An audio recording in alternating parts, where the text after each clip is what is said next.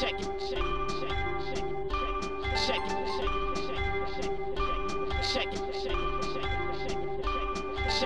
Trzynasty odcinek Codrive.pl zaczniemy od odejścia Hondy z Formuły 1. Czy Max Verstappen będzie musiał rozstać się z Red Bullem? Czy w ogóle może? Pomówimy także o incydencie na Mistrzostwach Świata w kartingu. Luca Corberi rzuca zderzakiem pod koła innego kierowcy. Wszyscy na równych warunkach. Sebastian Vettel chciałby zobaczyć wyścig kierowców Formuły 1 w samochodach turystycznych. Na koniec pomówimy o zbliżającym się wyścigu na Nürburgringu oraz Zolder. Wspominamy jak obydwa obiekty wyglądają za kulis.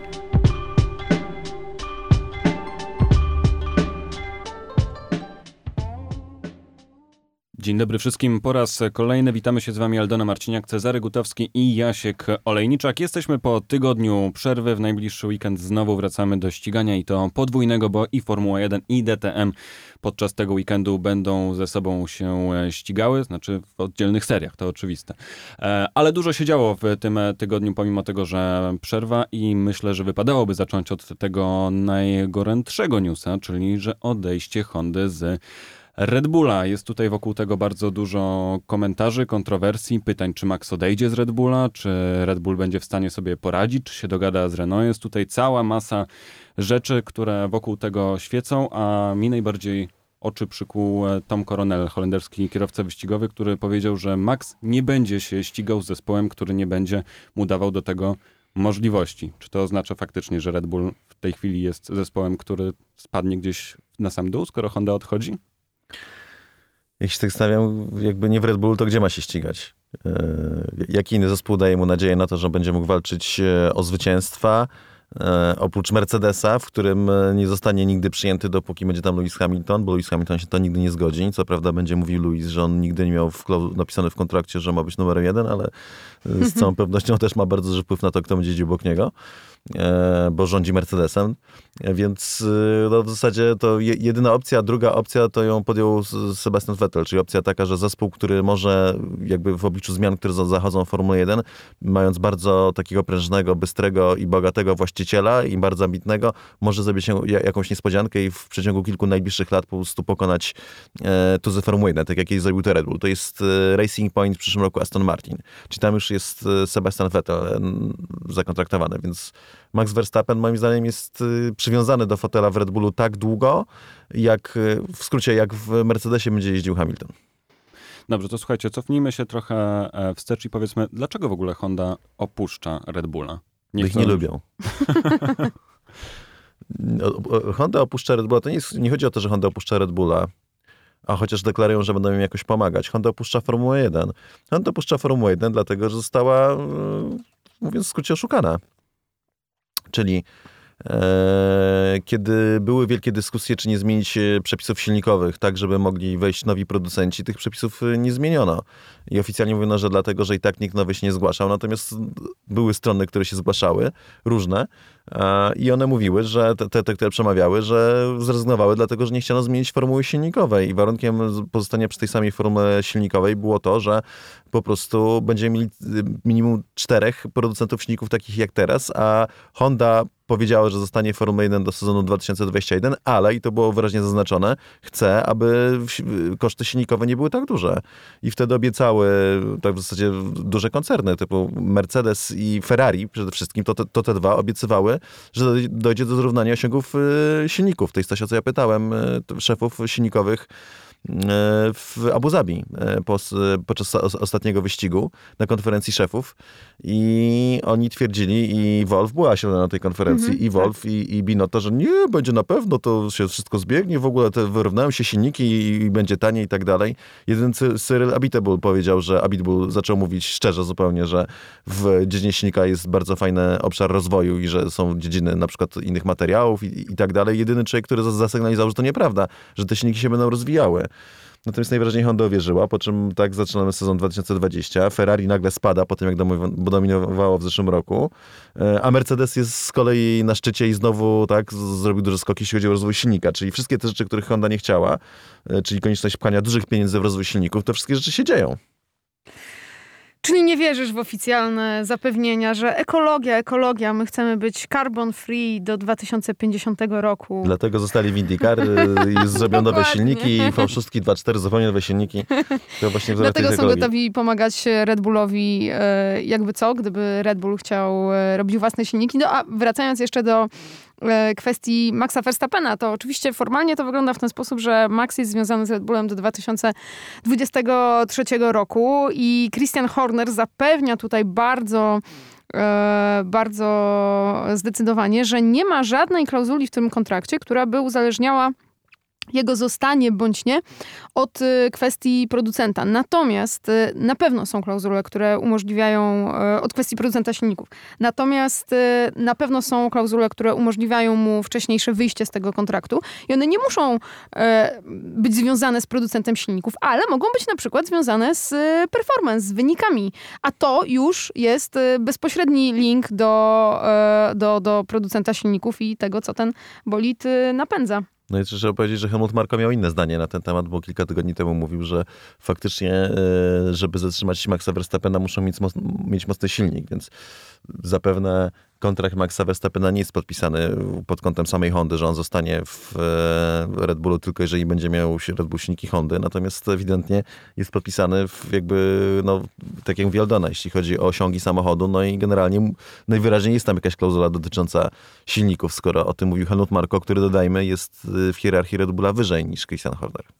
A gdyby Red Bull sam tworzył silniki, to będą to mocne silniki? Pomimo tego, znaczy uwzględniając to wsparcie Hondy, ale jest szansa, żeby Red Bull tak szybko się wyszkolił w tworzeniu silników, żeby byli e, po prostu wystarczający dla Maxa? To byłby dobry numer dla hejterów. Zobaczcie. Najpierw e, Red Bull zbierał batę, że producent napojów przychodzi do Formuły 1 i wygrywa Mistrzostwa Świata. Jakby jeszcze producent napojów robił własne silniki. Moim zdaniem znaczy, to może wyglądać obiecująco, ale jakoś tego za bardzo nie widzę. To są kolejne pieniądze, to są ogromne pieniądze, Dokładnie, które Red Bull musiałby wyłożyć i e, okej, okay, oni są w innej sytuacji niż e, koncerny motoryzacyjne, które bardziej muszą się oglądać i czują tę odpowiedzialność społeczną i tak dalej, i tak dalej. E, I bardziej patrzą na pieniądze. Oni są całkowicie prywatną firmą, mogą sobie robić co chcą. Angażują się w wiele dyscyplin sportu, wielkie pieniądze wydają na piłkę nożną, oni te pieniądze mają. Natomiast pytanie, czy chcą je wydać właśnie w ten sposób, gdy, tak jak mówi Cezary, tak się układa teraz rzeczywistość polityczna Formuły 1, że e, z silnikami zamiast równo, równo i pracujemy z powrotem w obszarze nadwozia, gdzie Red Bull zawsze był bardzo mocny, to jednak przechyliliśmy się cały czas w stronę tej Formuły 1 silnikowej. No i tak to funkcjonuje. Było sporo osób, które tak mówiły, to, to, to było dziwne, bo Red Bull się skarży na to, że nie ma dobrych silników, że Zerano jest słabo i wiele osób mówiło, że no, zaraz niech sobie zrobią sami własne silniki, co było jakieś absurdalne w ogóle uwagi i żądania, dlatego że nie można wymagać od firmy, która de facto, jak mówimy, produkuje napoje, nie ma tej technologii, nie ma potrzeby w ogóle e, rozbudowywania tej technologii, żeby jeszcze oprócz tego, że robi boidy Formuły 1 i robi naprawdę świetny show Formuły 1 i bardzo tej Formuły 1 pomaga, już robiąc nadwozia, żeby jeszcze otworzyła dział produkcji silników, tak? Przecież na wyprodukowanie od zera silnika Formuły 1 i używanie go, to, to są nakłady rzędu tam sięgające miliardów dolarów, a nie, a nie tam, że 10 hmm, Ile milionów. wydała Honda? E, tak, dolarów. Nie będąc producentem napojów.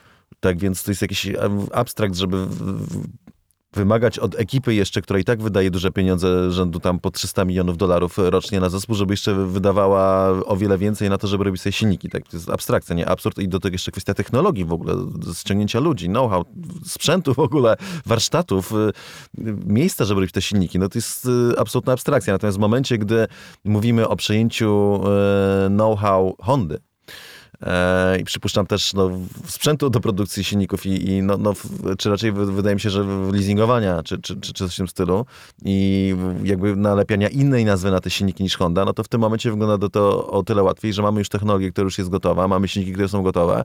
Honda robi nowy silnik na sezon 2021, więc będzie to znowu jakiś no, no, lepszy prawdopodobnie motor.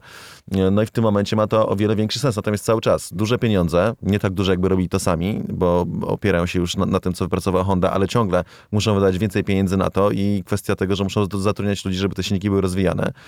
Co prawda, no, mówi się o tym, że silniki mają być zamrożone.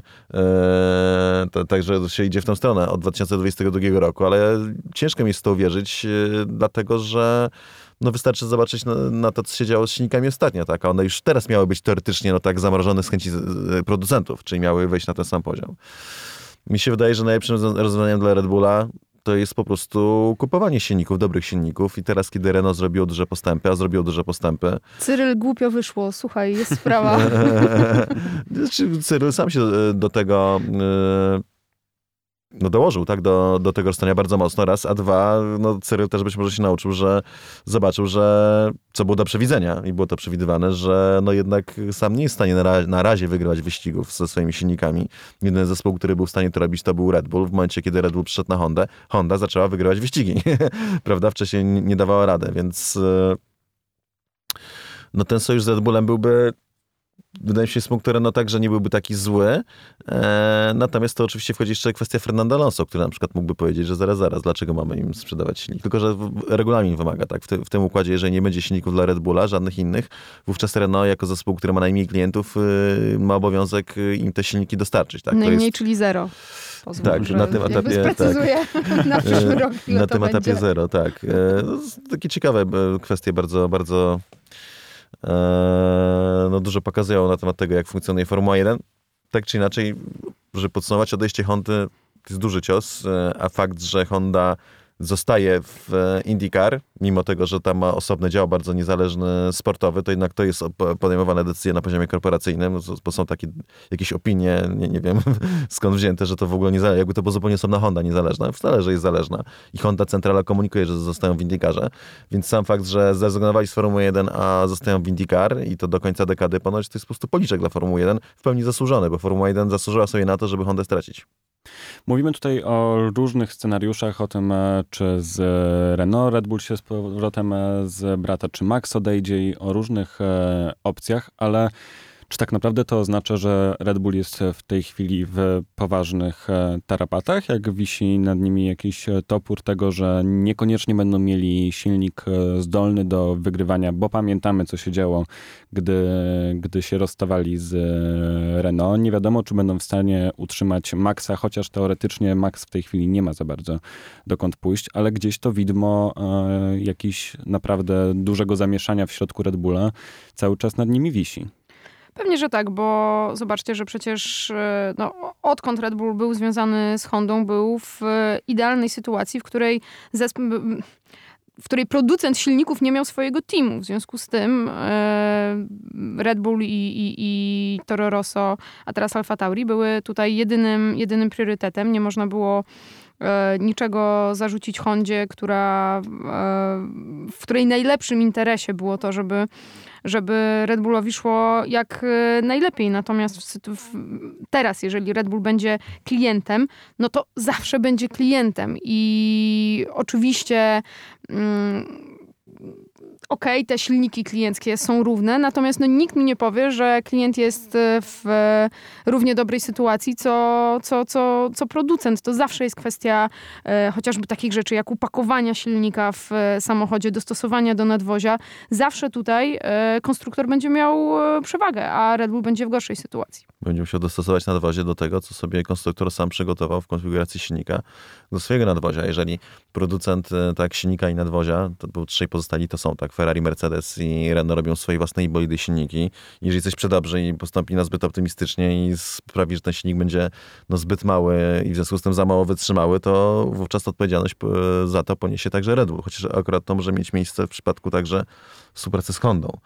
E, natomiast no, no to, to jest taki pierwszy powód, dla którego ewidentnie będąc klientem zawsze jesteś na gorszej pozycji, a drugi to jest taki, że e, no, z, znowu była wypowiedź e, zdaje się, że Tombazisa, Nikolasa Tombazisa, e, czyli, czyli, czyli no, człowieka z FIA zajmującego się kwestiami technicznymi e, Formuły 1, że nie są w stanie cały czas FIA dopilnować ciągle tego, czy silniki są legalne, że cały czas jest to tak skomplikowana kwestia, e, że no po prostu to leży poza granicami możliwości FIA, żeby mieć w 100% pewność, że te silniki są oferowane, operowane w pełni legalnie. Tu chodzi już o takie rzeczy jak oprogramowanie tego całego ustrojstwa. To jest bardzo, bardzo skomplikowane, więc w oparciu o to nikt mi nie powie, że, bo mówi się, że tak jest, że silniki, że, że klient będzie miał dokładnie takie same silniki jak, jak fabryka, tak? Fabryka zawsze będzie miała, będzie miała kody źródłowe i będzie miała w związku z tym przewagę.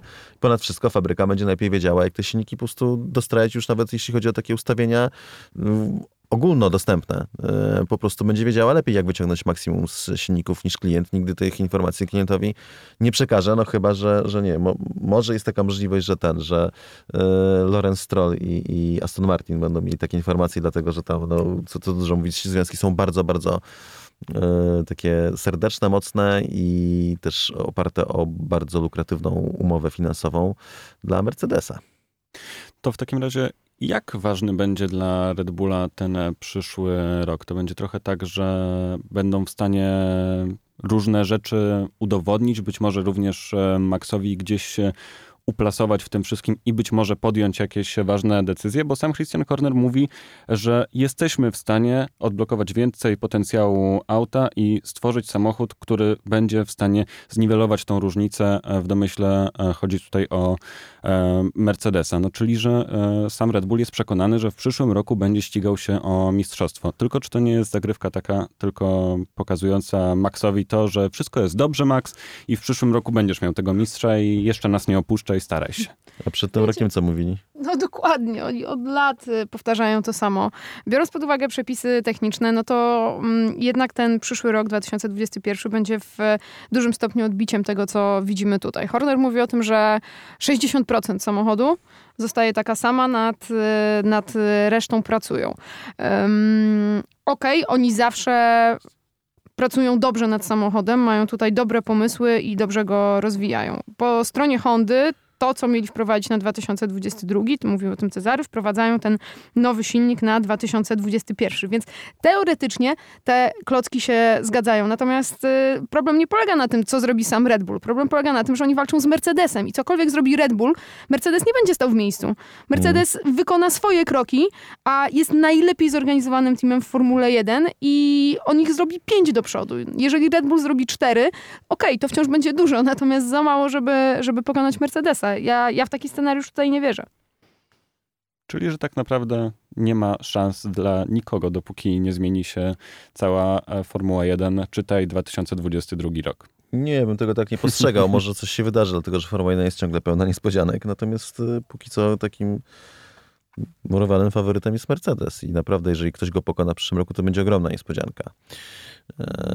Po prostu są zbyt mocni. Chyba, że nie wiem, będzie jakiś zwrot akcji i ten, i okaże się, że jednak silnik Mercedesa też nie do końca odpowiada duchowi przepisów. I, że jest to tak, że tylko, że jest to lepiej opracowane. Bo słyszałem już takie głosy, że to się z Ferrari wzięło e, tak, że po prostu ludzie uznali, że obserwatorzy, to jest niemożliwe, żeby silnik miał aż takie osiągi przy takich osiągach nadwozia. I ponoć słyszałem jakieś głosy takie ciche bardzo, bo jednak to to się nie powinno podpadać, e, że no, także jeśli chodzi o myślniki Mercedesa, niektórzy mają podobne wątpliwości ale mamy cały czas nadzieję, że przyszły rok e, jednak będzie trochę ciekawszy i ktoś będzie w stanie nawiązać regularną walkę z e, Mercedesem. Zejdźmy na chwilę z tych największych torów i przenieśmy się do Lonato, w którym w ostatni weekend miały miejsce Mistrzostwa Świata kartingowe.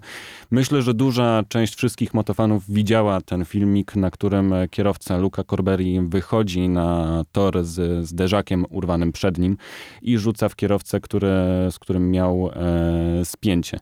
Do tej sytuacji odniosły się wszystkie możliwe chyba portale zajmujące się motoryzacją, a odniósł się także sam e, Jenson Button, który mówi, e, że Luka zniszczył swoją jakąkolwiek szansę do prowadzenia kariery wyścigowej i po tym okropnym zachowaniu powinien być e, dożywotnio zawieszony pod względem kierowania, pod względem ścigania się.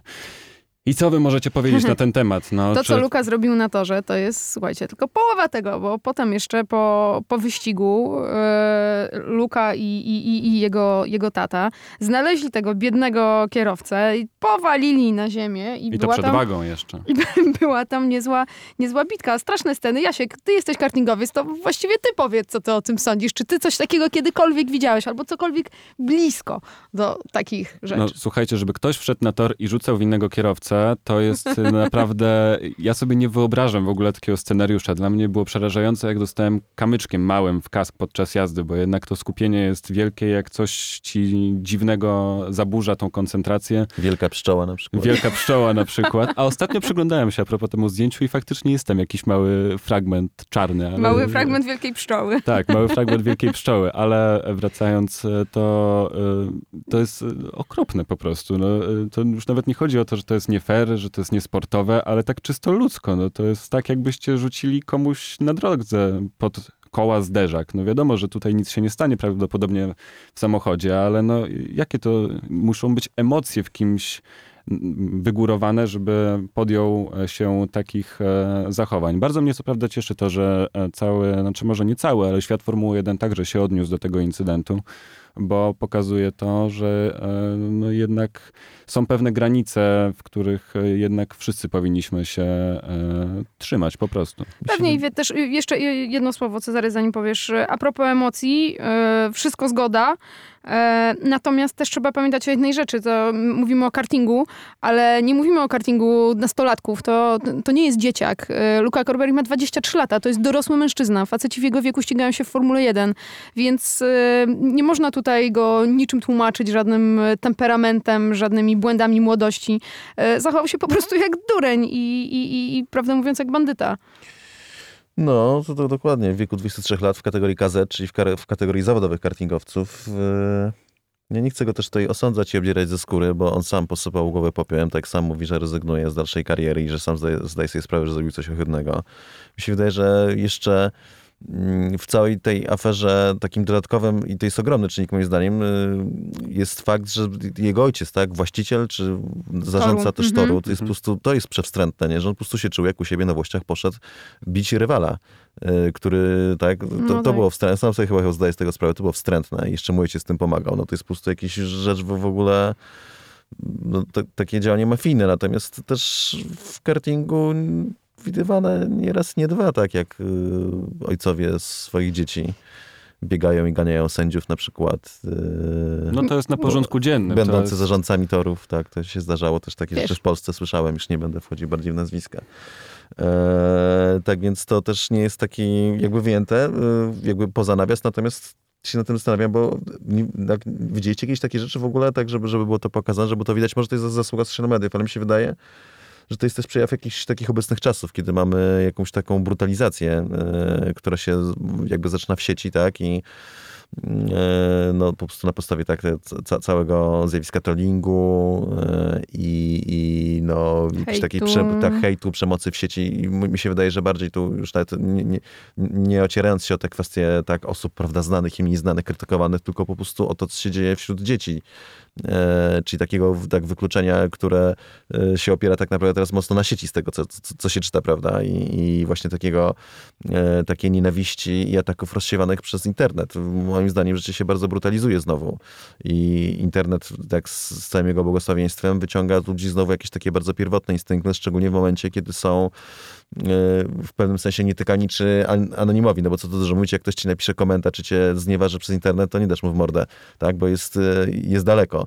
Więc to jest tego jakby gwarancja tego, że nie, nie poniesie konsekwencji tego, albo przynajmniej teraz, potem e, ty się uspokoisz, natomiast to się przekłada moim zdaniem generalnie na nasze stosunki społeczne ogólnie, nie? Takie podejście e, na, na praktykę i mi się wydaje, że, że ten przykład Kolberiego niestety pokazuje bardzo niepokojące przejawy tego, że Wydaje mi się, że generalnie obecne tak widać się teraz dzieje na świecie, gdzie to życie niestety znowu wchodzimy na, na tej sinusoidzie takiej cywilizacyjnej, znowu w taki okres E, czas pogardy, jakby to tak mhm. Sapkowskiego było e, ujęte. I to, to jest taki bardziej też, wydaje mi się, a dodajmy też, że e, Corberi to nie jest, to nie jest no-name, to nie jest kierowca gdzieś tam z zupełnego końca. To jest kierowca, który kiedyś w kartingu pokonał George'a Russella, pokonał Lansa Strolla, pokonał obecnych kierowców Formuły, Formuły 2.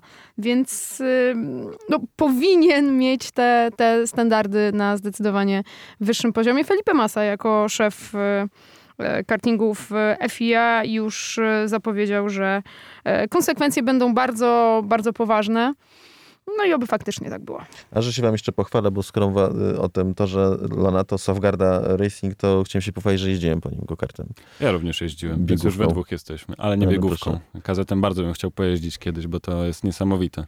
No jest to... No, Czy to było wtedy, kiedy mm, wróciłeś z żebrem kontuzjowanym, pękniętym?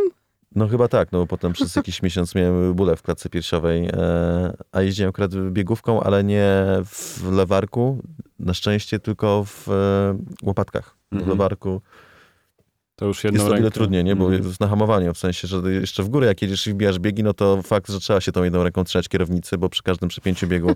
trzymać e, kierownicy. No tak, szczerze, bo to jest Nie takie... trzymać kierownicy, tylko trzymać kierownicy, po prostu mi się to Tak, tak, bo albo to jest tak wściekłe przyspieszenie, że po prostu ty masz jedną rękę, wbijasz i on tam się kręci na 14-15 tysięcy obrotów, coś takiego, mm. ten silnik w tej końcówce i on po prostu wściekle przyspiesza, ale to jeszcze jest do opanowania. Na wyjściach zwanych zakrętów gorzej, nie? Bo tam się da trochę za, za dużo gazu, to są wysokie obroty i wtedy nosi.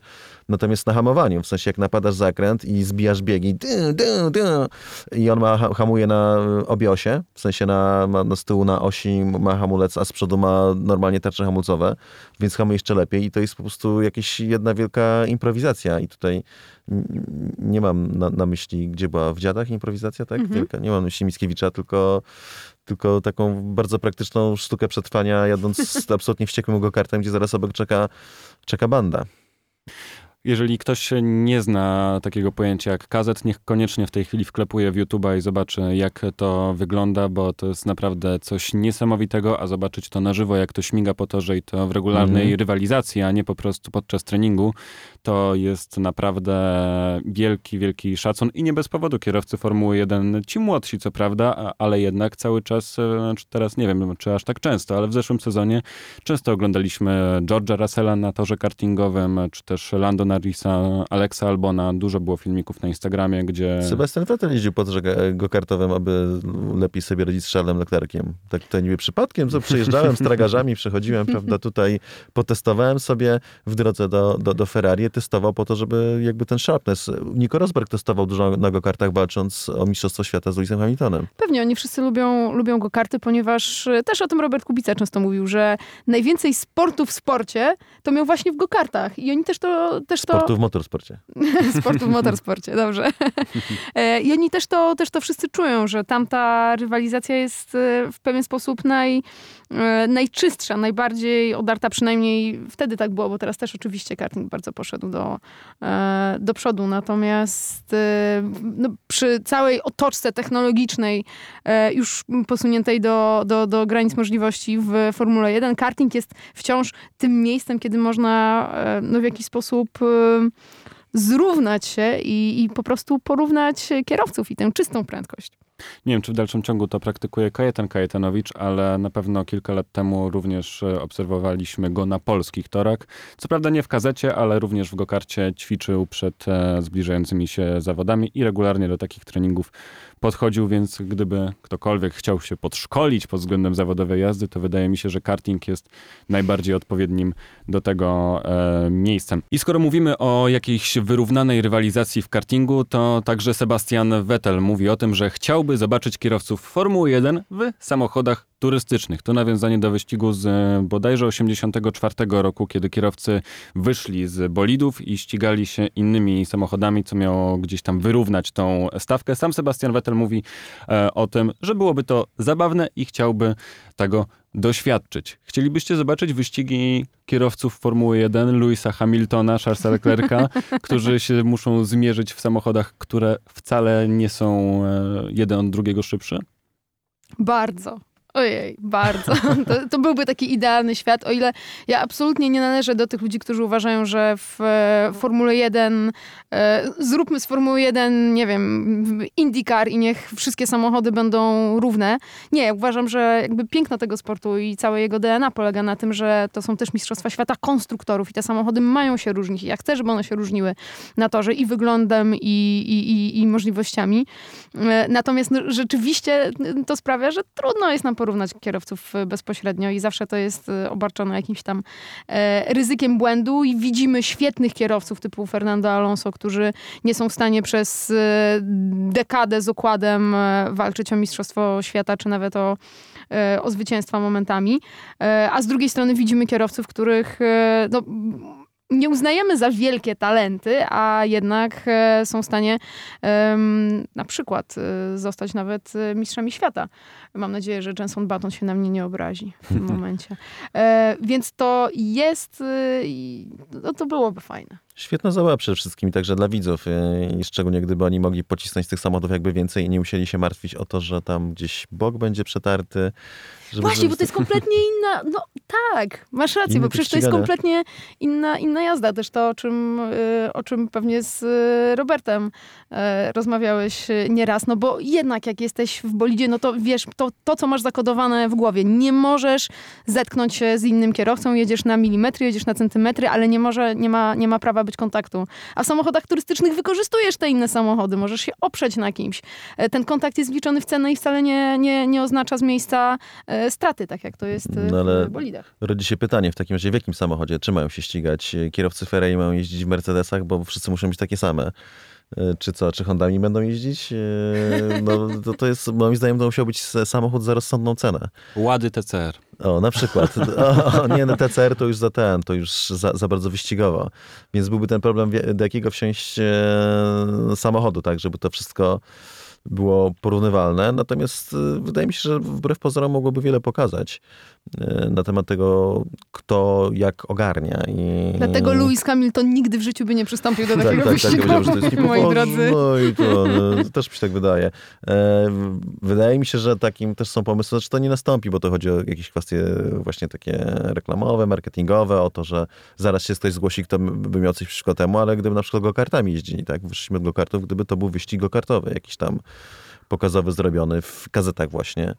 Oczywiście zaraz by się pojawiła kwestia tego, kto te wózki przygotowuje i w jaki sposób i tak dalej. To, to znowu jest takie trochę, no, trochę tutaj marzeniami żyjemy w tym momencie. Natomiast z całą pewnością byłoby, byłoby to o wiele prostsze do przeprowadzenia już z kwestii takich formalno-technicznych. Rasa dwa o wiele bardziej spektakularne i akurat wydaje mi się, że zrobienie takiego wyścigu no jeżeli już szuka e, Liberty, bo tak jest, szuka jakichś dziwnych pomysłów na urozmaicenie Formuły 1, typu odwracanie startu na prostych startowych i tego typu rzeczy, no to moim zdaniem zdecydowanie lepiej by to wyszło i byłoby bardziej sportowe i bardziej spektakularne, gdyby faktycznie dorzucić do tego jakiś rodzaj wyścigów pokazowych, e, czy wyścigów w jakiś sposób, nie wiem, odległy, e, ale nie wiem, ma, ma, mających, nie wiem, wpływ na to, co się wydarzy w kwalifikacjach na go-kartach. Eee, no tylko, że wtedy ten, też weekendy się zrobiło wiele bardziej skomplikowane, więcej jazdy, więcej komplikacji, tak więc no, ostatecznie żyjemy tutaj marzeniami, ale zobaczyć wyścigi, żeby było coś takiego, że, żeby na przykład co roku był jakiś nie rodzaj pucharu, czy nie wiem, czy dodatkowego wyścigu o dodatkowe punkty, w którym kierowcy jeżdżą takimi samymi maszynami, Formuły 1, Myślę, że to by było, no jeżeli, jeżeli mamy wydziwiać i wymyślać jakieś sztuczne spektakle, to jest jeden z chyba z takich najbardziej sportowych pomysłów, żeby, że, żeby to urozmaicenie wprowadzić. To Carlos Sainz mówi, że jednego dnia chciałbym zobaczyć wszystkich w tym samym bolidzie Formuły 1 i zobaczyć, kto jest najszybszy. Może tak sobie mówić, bo ten, bo wie, że mu to nie grozi. Eee, no i tak, to będziemy żyli tymi marzeniami i chcielibyśmy zobaczyć równą rywalizację, nawet nie w Formule 1, bo czemu by nie w kartingu. Nawet wydaje mi się, to byłoby ciekawsze, gdyby faktycznie wrzucić ich wszystkich do kazetów i zobaczyć, jak e, tam ten tak. pazur pokazują. Myślę, że tak, ale, ale tu już zaraz by się nie zgodziło kilku tych szefów zespołów, że to jest niebezpieczne i że niepoważne i że logo sponsorów zespołu, tak, na gokarcie nie wymalujesz tak ładnie, bo nie ma, nie ma na czym. No tak, to o tego typu rzeczy by się rozbijały, rozbijało niestety, więc, więc no, jedyne, co mogą sobie kierowcy się spotkać, to nasze, ten nasz kwartet, tak, chłopaków, którzy się ten przyjaźnią, eee, tak, czyli Albon, e, Russell, e, Norris Leclerc. i Leclerc, tak, to oni sobie mogą zrobić wyścig. No, najlepiej na konsoli, na jakiejś Mario Karcie wrzucić na Twitcha i ten, nie wiem, czy się ścigali w ogóle Mario Kart. nie widziałem. Widziałem za to, że Max chyba w ostatni weekend jechał znowu online e, Małe Le Mans, które zresztą e, wygrał. Max stara się wygrywać wszystko, tylko że chciałby jeszcze chyba tego mistrza w Formule 1 e, mhm. zdobyć. To jeszcze... I w realu. W realu. Dokładnie. Przejdźmy do w takim razie najbliższego e, weekendu. Nürburgring się e, zbliża i zbliża się razem z zimną pogodą, która podobno ma sporo namieszać podczas tego weekendu. Rzeczywiście ma być deszczowo, 9-8 stopni, więc e, takie warunki, w jakich bolidy Formuły 1 generalnie rzadko jeżdżą, bo jeżeli je spotykamy, to e, podczas e, zimowych testów w Barcelonie, no ale wtedy po prostu możesz nie wyjechać na tor. Sami byliśmy na torze raz, gdy śnieg leżał hmm. na, na nitce tak, toru, toru Katalunia. Są nawet zdjęcia bolidów w tym śniegu, bo tam chyba Fernando Alonso był jedynym, który, który, który wyjechał wtedy na chwilę, o ile dobrze pamiętam. E, w każdym razie jest to, jest to oczywiście coś, z czym do tej pory nie mieli do czynienia i mam nadzieję, że to oznacza, że będziemy mieli troszeczkę ciekawszy weekend, tym bardziej, że nie jest to tor, który e, kierowcy i zespoły bardzo dobrze pamiętają, ponieważ ostatni raz Formuła 1 była tam w 2013 roku, także trochę czasu już e, minęło. Kierowcy współcześni tak naprawdę pamiętają ten tor często z jakichś serii juniorskich jedynie, tu od Formuły Renault przez Formułę BMW do, do F3. E, więc e, zawsze taka, jest to, jest to jest, mamy dużo czynników, które sprawiają, że możemy mieć e, ciekawszy spektakl niż normalnie. No a mm, Cezary, ty ostatnio po Nürburgringu jeździłeś. Albo Nordschleife, po Nordschleife.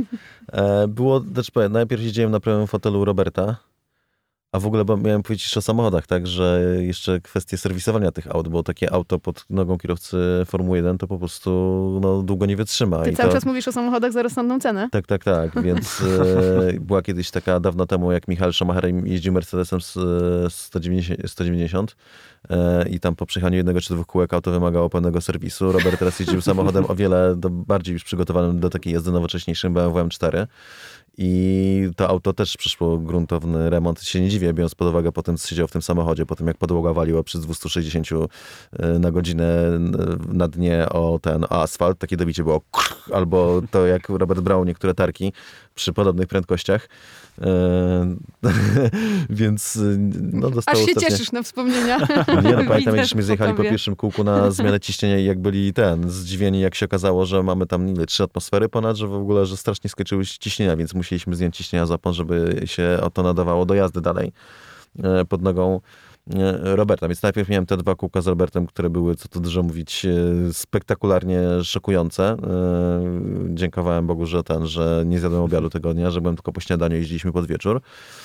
I potem pół godziny dochodziłem do siebie w samochodzie e, i wyjechałem swoim, e, moim Hyundai i30N Performance, który no, nie ma takich, e, i30N Project C, E, który nie ma takich e, osiągów e, jak BMW M4, natomiast swoje potrafi, był rozwijany na Nürburgringu.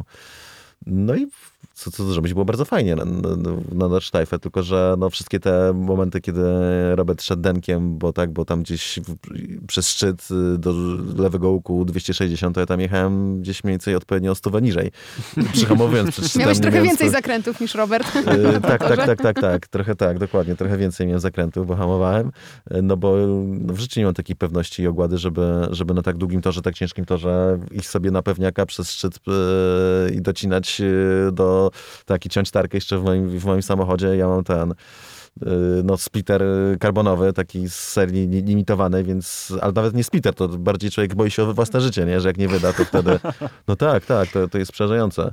Wiecie co, czytam a propos, a propos tego, um, jestem w trakcie czytania e, biografii Nikiego Laudy i a propos e, jego no, tragicznych wydarzeń na Nürburgringu, przypomina mi się to, co ty mówiłeś o, mm, co Niki mówił o e, Nordschleife, że w tamtych czasach oczywiście, no jesteśmy w zupełnie innych czasach, ale myślę, że oddaje to e, klimat przynajmniej tej pętli, że w innych na innych torach, jeżeli miałeś jakąś usterkę albo popełniłeś błąd, to miałeś w tamtych czasach 60% e, szans, że przeżyjesz, wszystko będzie dobrze.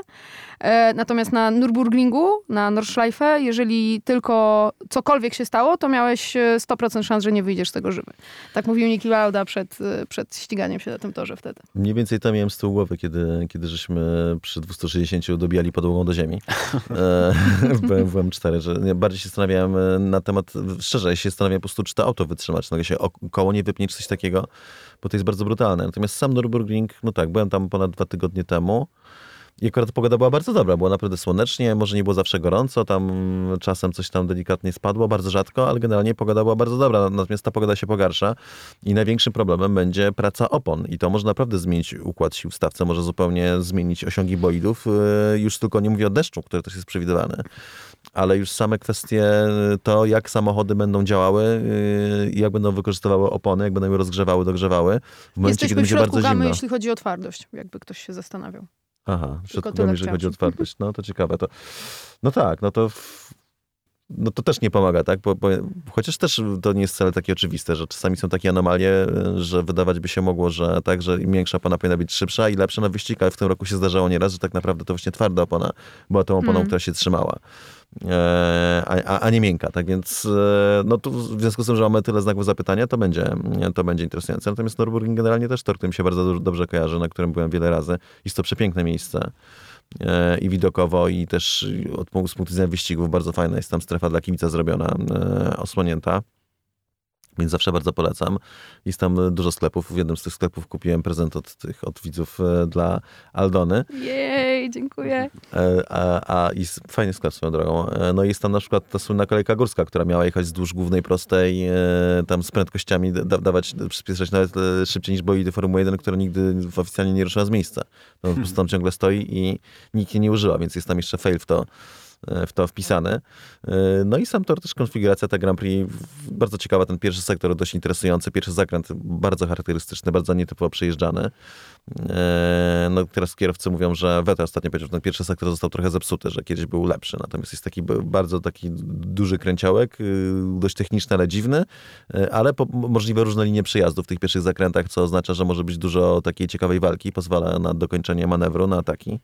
No i też to, to jest sekwencja, która co zasłynęła na przykład z kolizji Roberta Kubicy z y, Nickiem Heidfeldem, y, kiedy się ścigali razem w barwach BMW. To jest ta sekwencja, która zasłynęła z, samochoda, z samochodów wypadających seriami w 2007 roku, kiedy zaczął padać deszcz. Markus Wtedy, co Markus, tak, co Markus prowadził. Zresztą byłem na tym wyścigu. Y, no, tak samo jak się Robert z Nickiem zdarzył, tak też byłem na tym.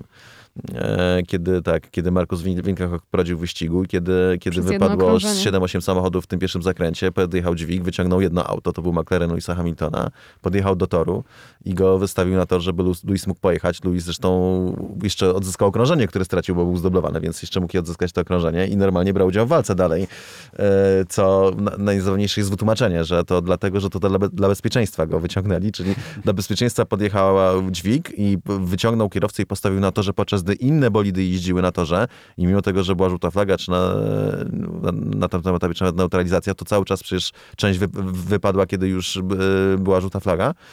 E, I, I, wystawił go na tor dla bezpieczeństwa, prawda? E, tam się zdaje się Lucy nawet ten dźwięk otarł, e, wypadając, więc to jest jakiś największy absurd w tym samym tłumaczeniu. Było to tak, taki oczywisty bardzo przejaw faworyzowania Louisa Hamiltona, który dziś nam opowiada, jak to był, jak padał tak ofiarą dyskryminacji, jak to był jak to miał ciężej w wyścigach ze względu na, na to, że ten, na swój kolor skóry. tak, to też się wiąże z torem Nürburgring. Powiedzcie mi jeszcze krótko o rywalizacji na torze. Mówicie, że będzie się dużo działo. Spodziewamy się, że będzie zimno, być może deszczowo, różne tory jazdy możliwe. Pierwszy zakręt również bardzo e, ciekawy, a ja się zastanawiam, jak będzie się toczyła walka o trzecie miejsce i to nie tylko podczas tego wyścigu, ale w, w ogóle klasyfikacji konstruktorów Racing Point, Renault oraz McLaren. McLaren na razie na P3 w klasyfikacji konstruktorów i myślę, że powinniśmy liczyć głównie o tą i się skupić na tej walce. Przynajmniej ja cały czas teraz obserwuję raczej te trzy zespoły i jestem ciekawy, kto dowiezie to P3 zarówno teraz na Nürburgringu, jak i w ogóle pod koniec sezonu. Ja myślę, że Racing Point może być e, bardzo mocne. Racing Point, które e, gdyby nie e, odjęte punkty z pierwszego wyścigu w związku z tymi kanałami chłodzenia hamulców, to, to właśnie Racing Point byłby na tym trzecim miejscu, więc to są te punkty, które oni tak naprawdę mm, na to, że zarobili. Więc biorąc pod uwagę, w jakiej formie jest ostatnio Sergio Perez, to ja stawiam na Racing Point. Ja też uważam, że Racing Point, natomiast to się rozegra tak naprawdę w dużej mierze też o regularność kierowców i być może jakiś taki y, dziwny weekend, jaki może być Nürburgring, że nagle jakiś zespół, który normalnie by punktów nie zdobył albo zdobył mało, zdobędzie ich bardzo dużo. Chociaż myślę, że akurat w tej trójce tam, znaczy w tym czołówce tam jest tak blisko między Racing Point, McLarenem i Renault szczególnie, że mi się wydaje, że Ferrari niestety trzeba wyłączyć z tej walki, e, że, że tam wszystko może się jeszcze e, pozmieniać mówiąc w skrócie. Natomiast zwróćcie uwagę na właśnie te kwestie kierowców. To jest coś, co mówił Andreas Seidel, czyli, czyli taki no, szef McLarena, jeśli chodzi o kwestie operacyjne.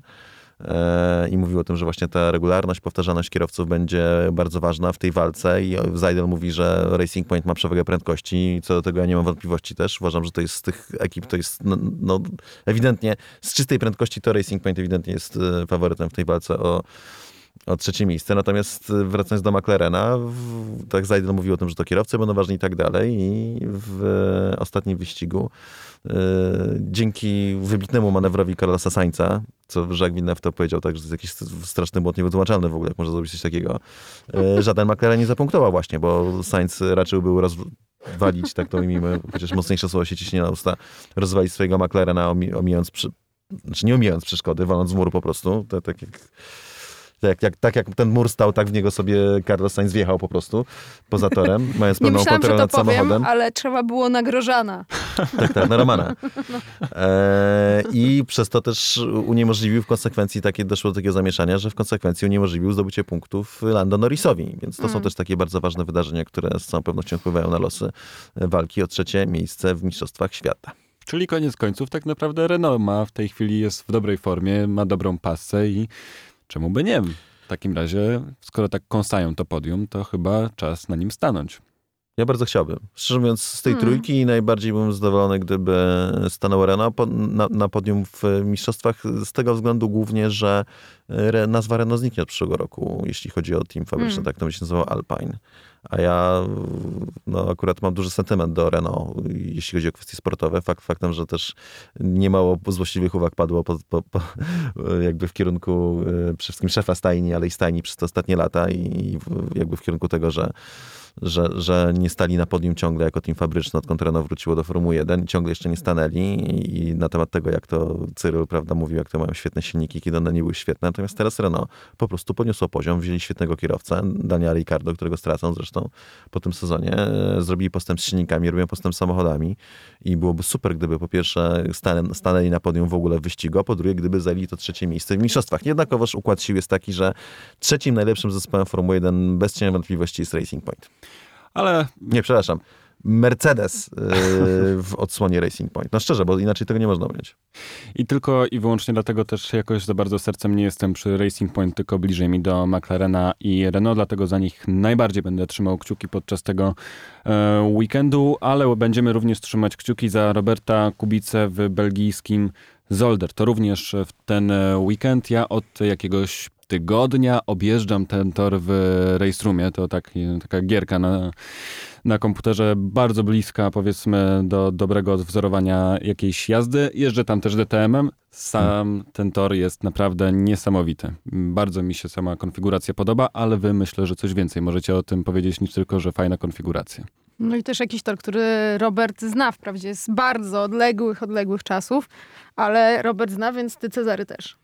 Tak, muszę wyciągnąć w ogóle mam taką fajną fotkę, jak Robert stoi w garażu w Zolder w 2005 roku. To była pierwsza runda World Series Bayern. No, stoi tak, e, kręci jakimś takim sznureczkiem typu, nie wiem, teraz się nosi takie przybieżki te, mhm. e, na, na, takich smyczkach, nie? To ma, ma coś takiego i tym kręci. Muszę wyciągnąć tę fotkę i wrzucić, nie wiem, na Instagrama albo na historijnego pstryknięcia.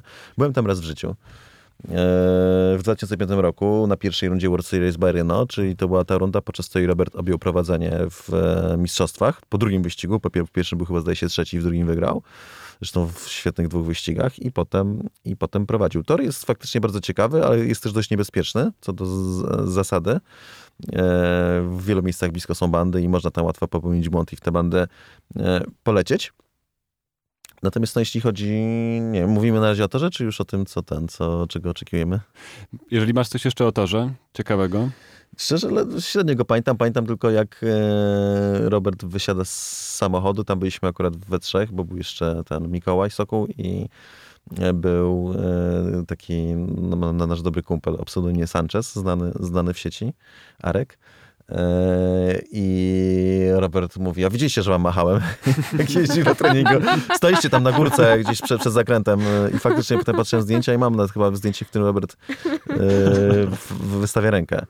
E, podczas jazdy. Ale to takie typowe. To było nie jedna sytuacja. Nawet e, musiałbym przeszukać, mam mnóstwo zdjęć jakichś z Formuły 1, jak jedzie jakiś test, czy, czy, czy coś w tym stylu i widzi, że gdzieś tam z, stoję ja, czy, czy, czy stoimy my i, i wystawia rękę, żeby ten, żeby... Żeby była fotka. Tak, że nie, żeby pozdrowić po prostu. E, no z tym się kojarzy Zolder na razie, a teraz no, jadę, wsiadam do samochodu, mam nadzieję, że mnie tam wpuszczą, a potem, że mnie stamtąd wypuszczą i zobaczymy. No właśnie, a propos wpuszczania, wypuszczania, to... Yy Wszystkie oczy na media Cezarego, moi drodzy, mm. ponieważ e, ja właśnie dostałam świeżą informację, że e, nie będę mogła pojechać e, na Zolder. Nie dlatego, że mnie nie lubią, ale dlatego, że w ogóle nie będzie tam dziennikarzy, a więc będzie to pierwszy wyścig DTM-u w tym roku, w którym i tak już zawsze były, były te składy bardzo okrojone, ale teraz po raz pierwszy będą tylko fotoreporterzy, tylko kilku. Nie będzie żadnych oficjalnych wywiadów z kierowcami będzie tylko to, co e, dostarczą teamy i Cezary. Więc Cezary będzie naszym głównym źródłem informacji hmm. i na Instagrama myślę najczęściej będziemy zaglądali i spoglądali na relacje. A czego możemy się spodziewać w ogóle po tym e, weekendzie?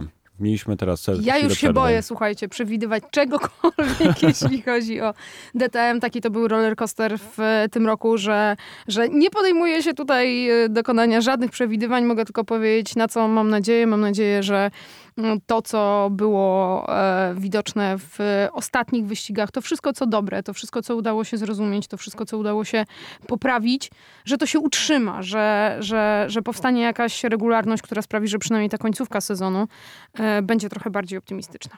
Ja też mam taką nadzieję, że nastąpi przełom, dlatego że no, ten wyścig ostatni, który niestety trwał krótko, bo doszło do awarii, skrzyni biegów, w tym wyścigu Robert miał narzędzie, w którym po prostu mógł się ścigać i ścigał się. I to było naprawdę świetne ściganie, kawał dobrej walki w tym miejscu, w którym powinien być, znaczy nie, tak naprawdę nie powinien być, bo jest debiutantem i do tego jeździ w prywatnym zespole, więc to jest cały czas jakby strzał powyżej tego, co ma do dyspozycji, ale biorąc pod uwagę talent kierowcy i to, jakie ma wyczucie samochodów, to jest właśnie to miejsce, no, w którym Robert ewidentnie tak świetnie się odnalazł.